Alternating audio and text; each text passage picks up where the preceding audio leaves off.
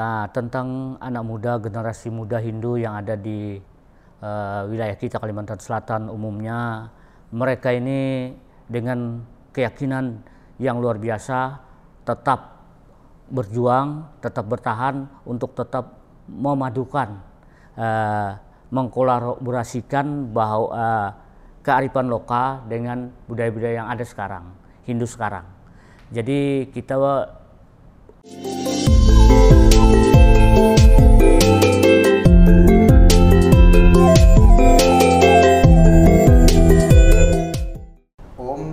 Swastiastu, Salam Rahayu, Tabe-tabe, Mahisidi, Sabarataan. Mae, Mae, Mae. Pemirsa Hindu Channel, pada hari ini Hindu Channel berada di Kalimantan Selatan.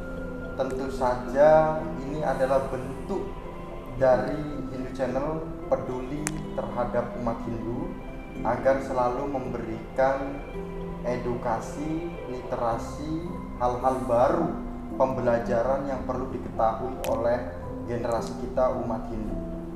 Pemirsa Hindu Channel, pada hari ini tentu saja saya tidak sendiri bersama dengan Bapak Suan Ya. sebagai tokoh atau ketua eh, adat, pemangku adat bersama dengan Hindu Channel Bapak Suan. Iya. Eh, terima kasih.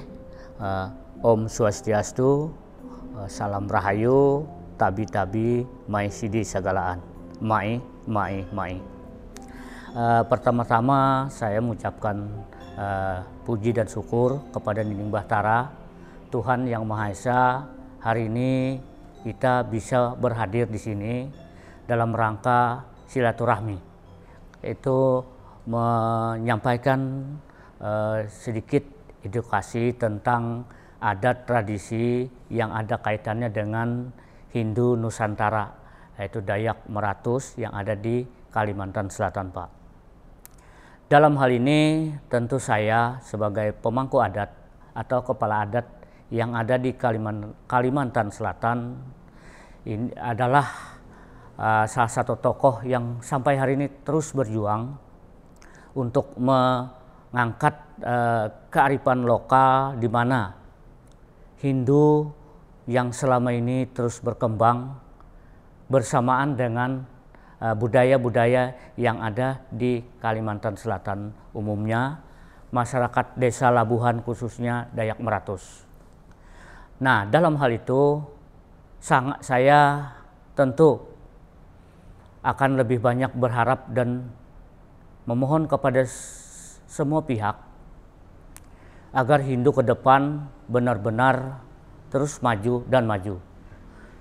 Nah, kemajuan yang kita harapkan sekarang adalah terus bangkit dalam hal muatan-muatan lokal. Muatan-muatan iya, lokal. iya, muatan-muatan lokal.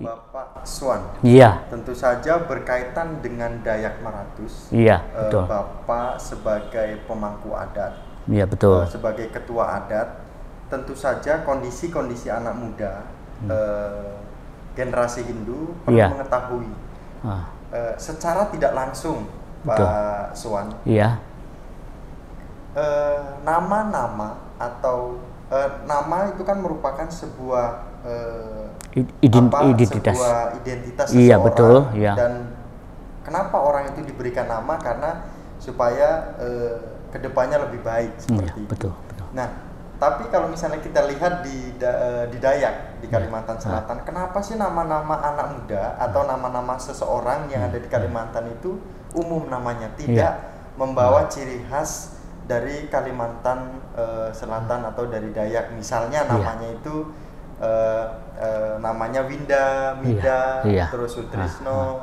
Ah, ah, ah. yang berkaitan dengan nama-nama pada umumnya.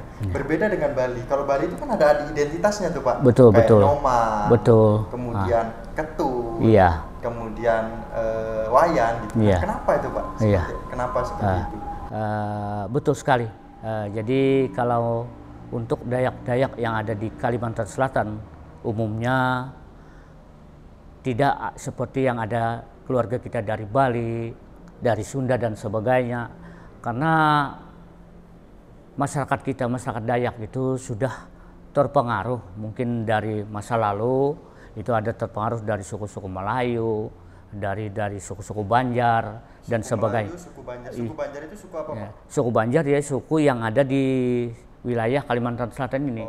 Ah iya, Ah, suku Melayu dari mungkin dari Melayu dari dulu-dulunya seperti itu.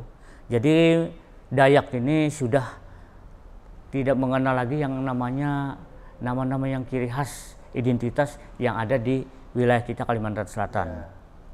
Jadi mungkin yang namanya sekarang mungkin Suwan atau Sah-Sah itu kan banyak ya. Eh, Nur Ivan Sah dan sebagainya. Nah itulah pengaruh-pengaruh dari eh, suku-suku yang ada di Kalimantan Selatan, suku Banjar, suku Melayu dan sebagainya. Nah mungkin kalau secara eh, tingkatan atau ba- secara kasta gitu ya, Ya. eh, tingkatan nama di sana itu berpengaruh tidak de- dia dalam menjadi pemangku adat atau Ah. menjadi tokoh-tokoh adat atau menjadi orang-orang yang eh, bisa dikatakan Hmm. lebih tinggi daripada yang lainnya gitu, atau memang Ah. standar saja pada Iya. umumnya. Nah kembali ke masalah pengaruh atau tidak dari suku-suku yang ada tadi itu akan berpengaruh apabila dia itu jadi pemangku-pemangku adat. Nama iya iya tambah gelar. Ya. Eh, namanya misalnya eh, Suan. Nah dia akan berpengaruh apabila dia akan menjabat sebagai pemangku adat. Nah seperti itulah ya se- sebegitu dia tidak memangku adat-adat seperti itu dia biasa-biasa saja. Nah, jadi tingkatannya mungkin apabila dia punya gelar untuk terjun kepada hal-hal yang berkaitan dengan adat istiadat, tradisi, budaya. Hmm. Berarti eh, umat Hindu di sana juga ditanggung jawab oleh eh, pemangku adat. Iya betul, betul sekali. Hmm. Jadi kan memang ma- mangku-mangku dulu, dulu itu ada gelar-gelar khusus. Ya, seperti kalau kita beri contoh umpamanya Mangku Anum, Mangku Yuda, Mangku Megalut, Mangku Karata. Nah orang-orang itu adalah orang-orang adat yang sangat berpengaruh di wilayah hukum adat itu sendiri.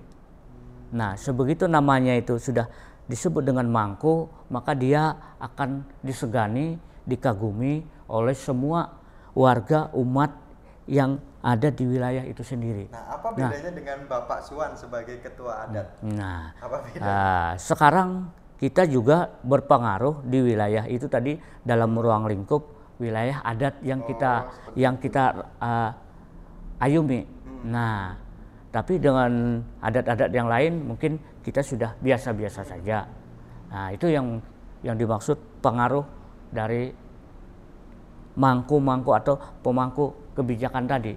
Berarti tentu saja ada jika ada pengaruh nih Pak. Jika Iya. ada pengaruh, berarti pemirsa Hindu Channel juga Iya. perlu tahu bahwa eh, tokoh adat di sana juga akan memberikan eh, keamanan atau memberikan eh, ilmu pengetahuan, ilmu pengetahuan, pembelajaran-pembelajaran tentang eh, agama gitu kan. Nah, Ah, ah. mak- oleh karena itu ada pertanyaan lagi nih Pak. Iya. Dengan adanya pelaksanaan yang dilakukan oleh eh, Dijen Hindu, oleh Hmm. Kementerian Agama, oleh PHDI Ya, dan lain sebagainya yang berkaitan dengan eh, keagamaan. ya. Nah, bagaimana pemuda-pemuda eh, Hmm. kita, anak-anak generasi Hindu yang ada di Kalimantan Selatan dalam mengikuti perlombaan-perlombaan ini, atau ada seleksi-seleksi yang memang Ah.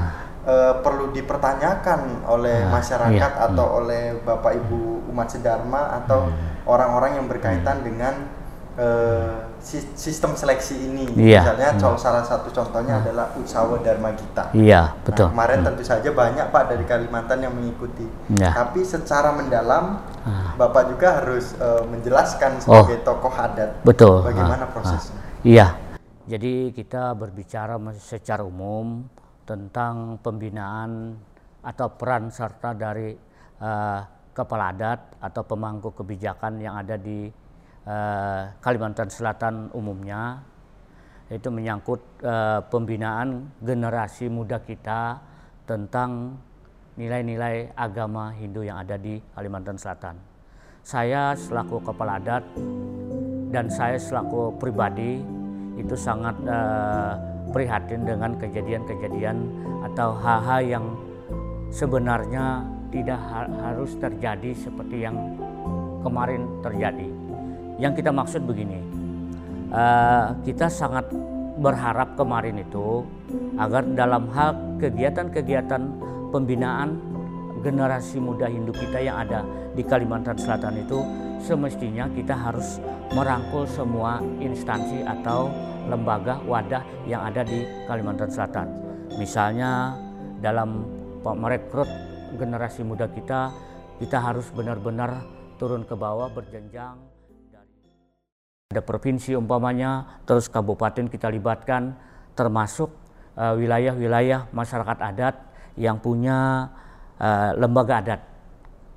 Nah, mereka-mereka inilah yang semestinya memberikan generasi muda ini loh yang kita adakan seleksi yang mestinya kita akan kirim untuk mewakili daerah, daerah kita sesuai dengan keinginan Departemen Agama dan apalah namanya. Berarti yang terjadi ya. kemarin itu, yang hmm. terjadi kemarin ya. itu seperti apa? Apakah memang nah. tidak dilakukan. Seleksi dari desa nah. ke um, dari kecamatan, ya. uh, dari desa, dari kecamatan, hmm. dari kabupaten lalu ke provinsi? Ya. Atau memang hmm. uh, sudah ada langsung mereka ikut lomba hmm. atau seperti apa yang Bapak ketahui? Nah, yang kita ketahui kemarin itu sebenarnya uh, memang sudah diatur sedemikian rupa yang tidak semestinya tidak diketahui oleh kita sebagai pemangku adat parisada kabupaten dan juga uh, ke provinsi waktu itu memang tidak terjalin koordinasi komunikasi yang baik sehingga apa pun yang terjadi sudah terjadi. Nah sekarang saya berharap, nah beberapa harapan saya ke depan kalau ini kan sifatnya lah untuk kita semua tentu kita berharap kepada pemangku ke kepentingan agar supaya marilah kita sama-sama kita rangkul bersama untuk kejayaan Hindu ke depan. Terutama dari Departemen Agama dengan segala kemampuannya untuk benar-benar sampai, eh, sampai ke desa terus sampai ke desa sampai ke wilayah-wilayah adat. Sehingga tujuan kita untuk mensukseskan generasi kita untuk terus mengembangkan, memajukan agama kita akan terwujud dengan baik. Itulah harapan kita yang sebenarnya. Pemirsa Hindu Channel tentu saja berkaitan dengan harapan dari umat Hindu kita yang dari Kalimantan Selatan. Kalimantan Selatan. Eh, hal tersebut adalah harapan yang besar ke depannya itu lebih baik. Jadi eh, Hindu Channel datang uh, atau komunikasi bersama dengan tokoh adat pada hari ini juga merupakan hal yang apa namanya hal yang ke depannya agar lebih baik lagi. Iya. Karena mungkin betul. ada beberapa pandangan-pandangan berkaitan dengan hmm. tiba-tiba hmm. langsung mengikuti lomba. Iya betul. Tanpa hmm. adanya seleksi yang diketahui oleh pemangku adat atau oleh hmm. umat-umat Hindu yang ada di sana. Betul. Nah, Hindu Channel pun e, secara tidak langsung mendapatkan informasi langsung dari e, Bapak Suwan. Ya. Nah, kemudian pertanyaan selanjutnya Bapak berkaitan dengan e, anak muda. Ya. E, berkaitan dengan anak muda di sana. E, bagaimana pola-pola anak muda yang saat ini mungkin sudah masuk pada perguruan tinggi nah. atau merantau atau hmm. memang masih ada di sana apakah tetap masih mengikuti tradisi Dayak nah. eh, Kalimantan Selatan ah.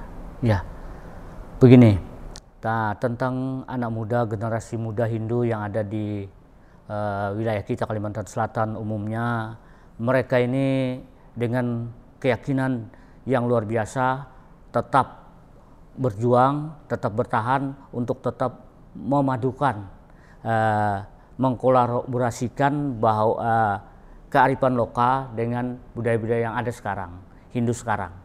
Jadi kita sekarang ini terus berjuang juga untuk anak-anak muda itu untuk mengarahkan agar supaya mereka itu jangan melupakan adat tradisi budaya yang selama ini diwariskan oleh leluhur kita.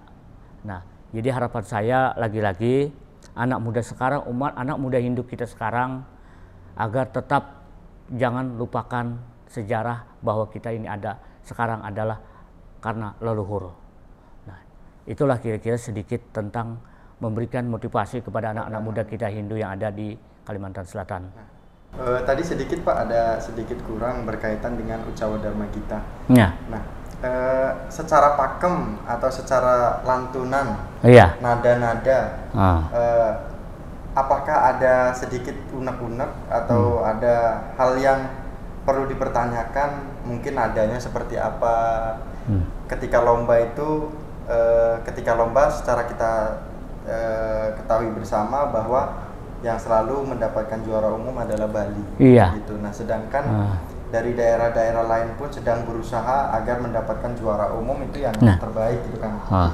Eh, intinya seperti itu nah kira-kira seperti apa pak Iya, kalau un- untuk ya kita wilayah Kalimantan Selatan dalam rangka melaksanakan atau mengikuti usaha Dharma kita, tentulah kita sangat berharap mungkin bukan Bali saja yang akan mendapatkan juara umum, tetapi yang terpenting begini, eh, dalam eh, materi yang dibawa untuk melaksanakan usaha Dharma kita itu kita harus kembali ke wilayah em, kita masing-masing yang kita per- eh, kita pertandingkan.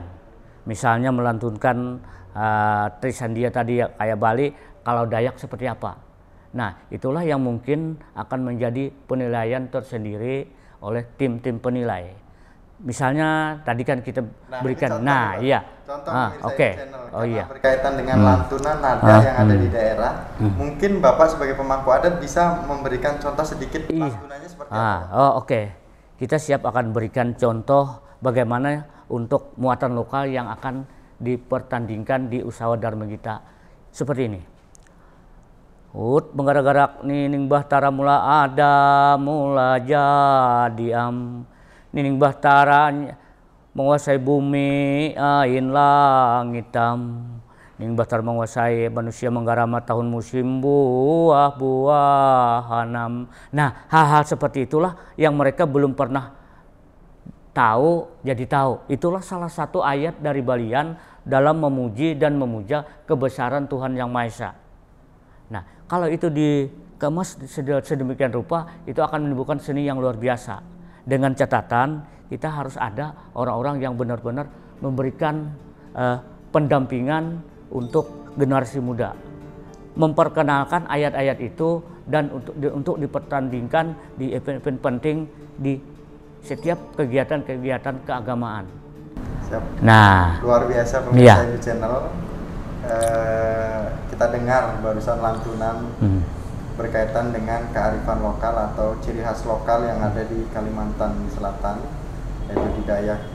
Nah terakhir nih Pak, Iya. kesamaan yang menonjol di Dayak dengan Hindu lainnya atau Hindu-Hindu umat Hindu kita yang ada di Indonesia umat Hindu Hindu Nusantara itu ada Hindu Jawa, Sunda, Iya. Bali Iya. dan Keharingan terus Dayak yang menjadi kesamaan itu apa?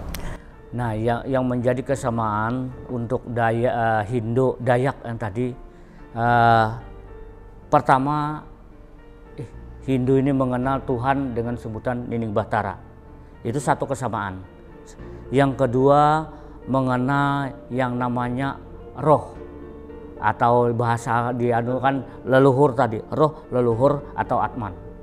Yang kedua, yang ketiga juga mengenal yang namanya karma pala, karma.